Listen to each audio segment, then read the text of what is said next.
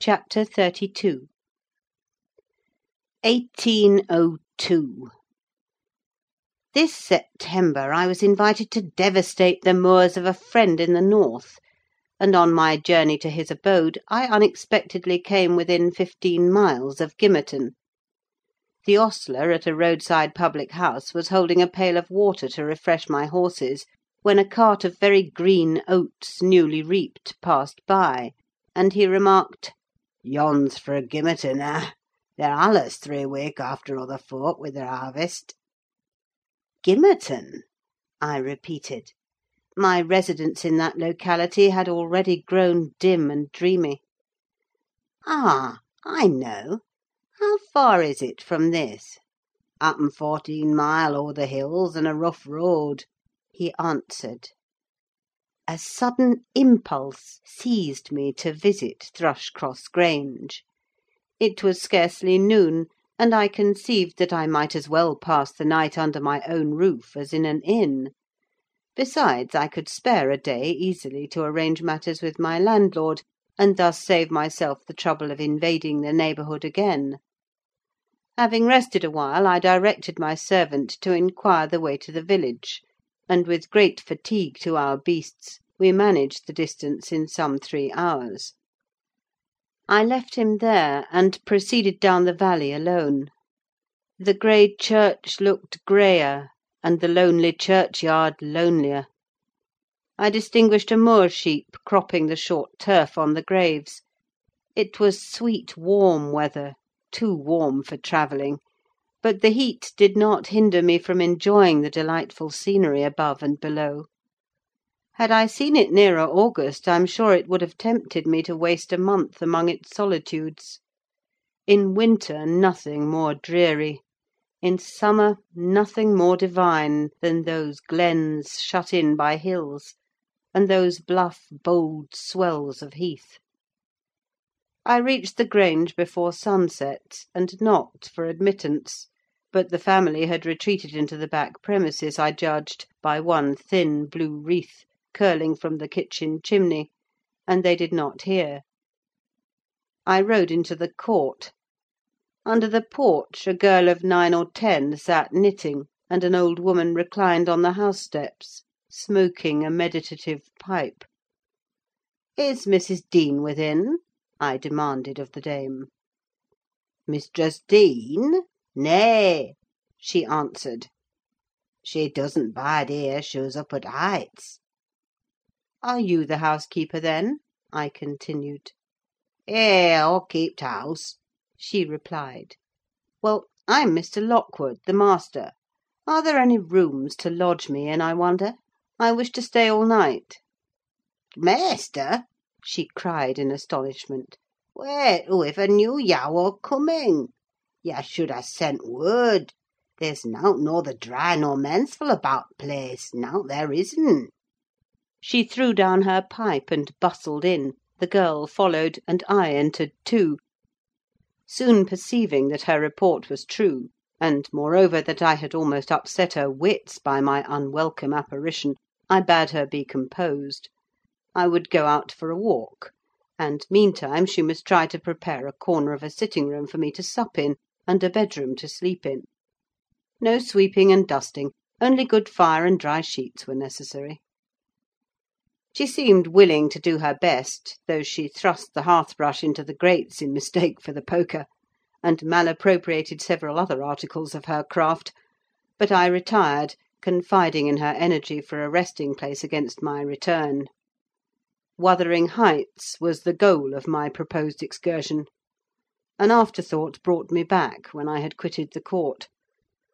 "All well at the Heights?" I inquired of the woman.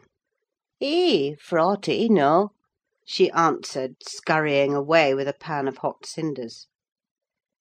I would have asked why Mrs. Dean had deserted the Grange, but it was impossible to delay her at such a crisis; so I turned away and made my exit, rambling leisurely along, with the glow of a sinking sun behind, and the mild glory of a rising moon in front, one fading and the other brightening, as I quitted the park and climbed the stony by road branching off to Mr. Heathcliff's dwelling. Before I arrived in sight of it, all that remained of day was a beamless amber light along the west; but I could see every pebble on the path, and every blade of grass, by that splendid moon. I had neither to climb the gate nor to knock: it yielded to my hand. That is an improvement, I thought. And I noticed another, by the aid of my nostrils: a fragrance of stocks and wallflowers wafted on the air from amongst the homely fruit trees. Both doors and lattices were open; and yet, as is usually the case in a coal district, a fine red fire illumined the chimney: the comfort which the eye derives from it renders the extra heat endurable. But the house of Wuthering Heights is so large that the inmates have plenty of space for withdrawing out of its influence; and, accordingly, what inmates there were had stationed themselves not far from one of the windows. I could both see them and hear them talk before I entered, and looked and listened in consequence; being moved thereto by a mingled sense of curiosity and envy that grew as I lingered. "Contrary!" said a voice as sweet as a silver bell. "That for the third time you dunce! I'm not going to tell you again: recollect, or I'll pull your hair." "Contrary, then," answered another, in deep but softened tones. "And now kiss me for minding so well." "No!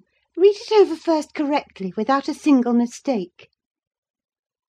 The male speaker began to read: he was a young man, respectably dressed, and seated at a table, having a book before him.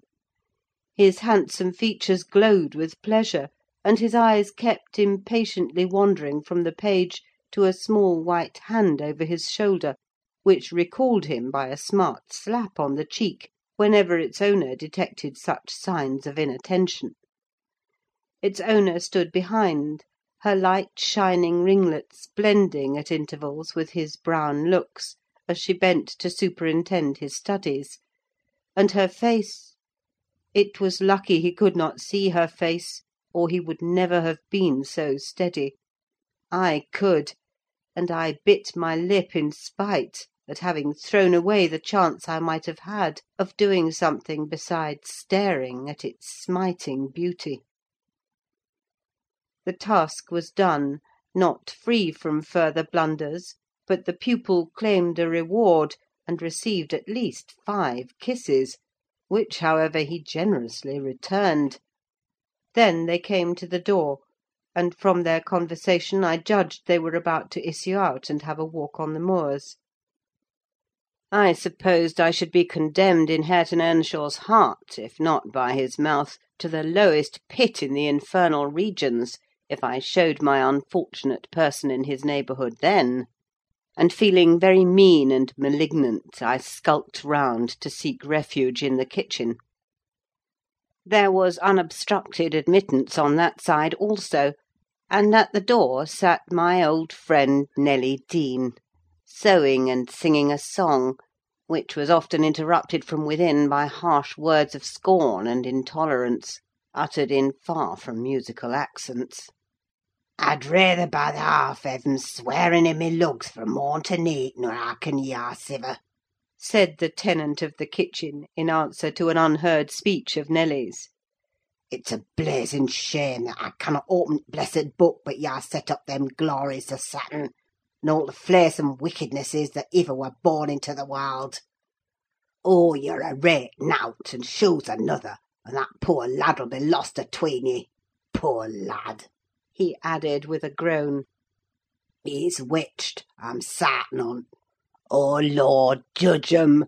for there's norther law nor justice among we're rulers."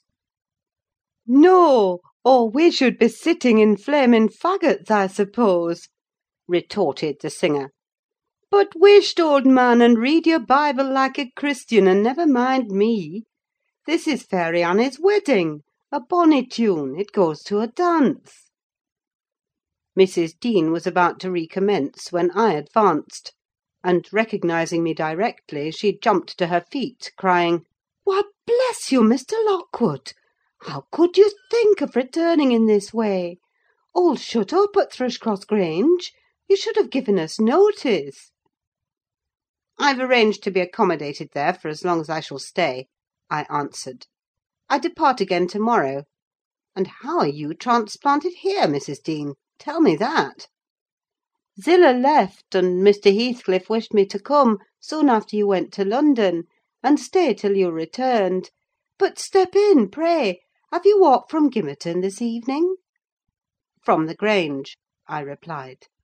"And while they make me lodging room there, I want to finish my business with your master, because I don't think of having another opportunity in a hurry." "What business, sir?" said Nelly, conducting me into the house. "He's gone out at present, and won't return soon." "About the rent," I answered. "Oh, then it is with Mrs. Heathcliff you must settle," she observed. "Or rather with me: she has not learned to manage her affairs yet, and I act for her: there's nobody else." I looked surprised. "Ah! you have not heard of Heathcliff's death, I see," she continued. "Heathcliff dead!" I exclaimed, astonished. "How long ago?" "Three months since. But sit down, and let me take your hat, and I'll tell you all about it. Stop! you have had nothing to eat, have you?" "I want nothing. I have ordered supper at home.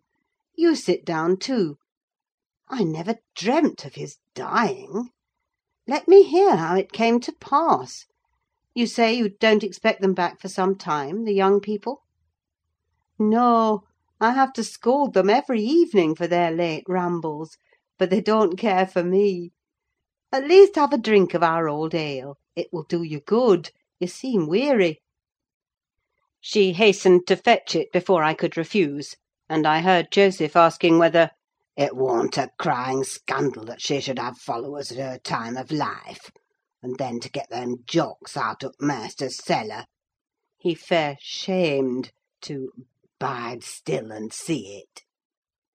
She did not stay to retaliate, but re entered in a minute, bearing a reaming silver pint, whose contents I lauded with becoming earnestness; and afterwards she furnished me with the sequel of Heathcliff's history. He had a "queer end," as she expressed it.